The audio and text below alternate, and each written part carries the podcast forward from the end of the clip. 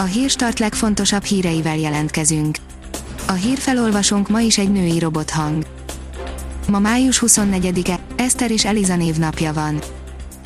A 24.hu oldalon olvasható, hogy egy euróért vettek házat, aztán karanténba kerültek. A koronavírus járvány érdekes helyzeteket szült azokban az olasz falvakban is, ahol egy euróért kezdték kiárusítani az ingatlanokat.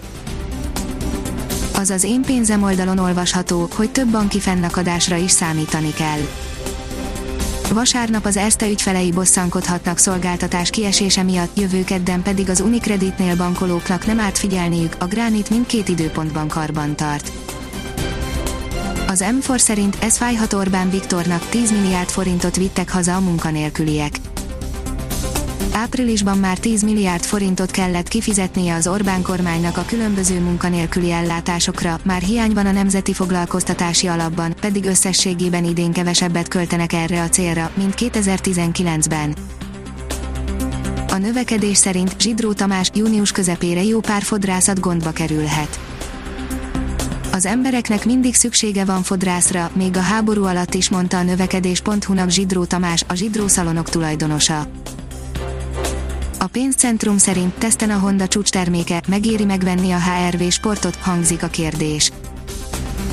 Csökkenteni tervezik a sebességhatárokat Budapesten, a pénzcentrum most kipróbálta, milyen lenne az 50-es csiga bebumlizni a városba a Szentendrei úton, hát, ha fizikailag nem is, mentálisan eléggé idegörlő a dolog.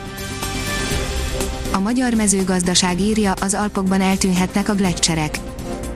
Romlott a természetes környezet állapota Németországban, a szövetségi kormány vizsgálata a többi között kimutatta, hogy teljesen eltűnhetnek a gletszerek és kihalhat a védett rovarfajok 70%-a.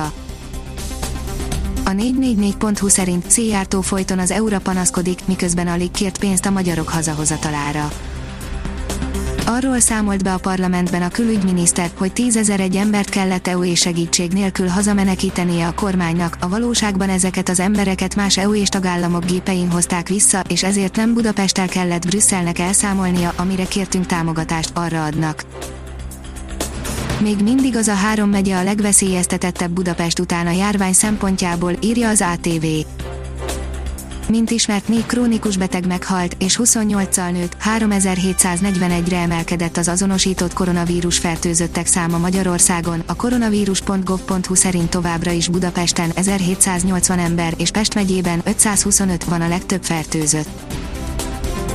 Az NLC szerint Gál Noémi nem csak évfordulót ünnepel Tamással Gál Noémi élete keveset változott az elmúlt hetekben, nincs olyan nap, hogy ne lenne úton, vagy az időjárás jelentés forgatására igyekszik, vagy a kisboltjába, illetve szüleit is ő látja el. Az ATV időjósa nem unatkozik, és azért időt szán arra, hogy párjával, Tamással az otthonukat csinosítsák.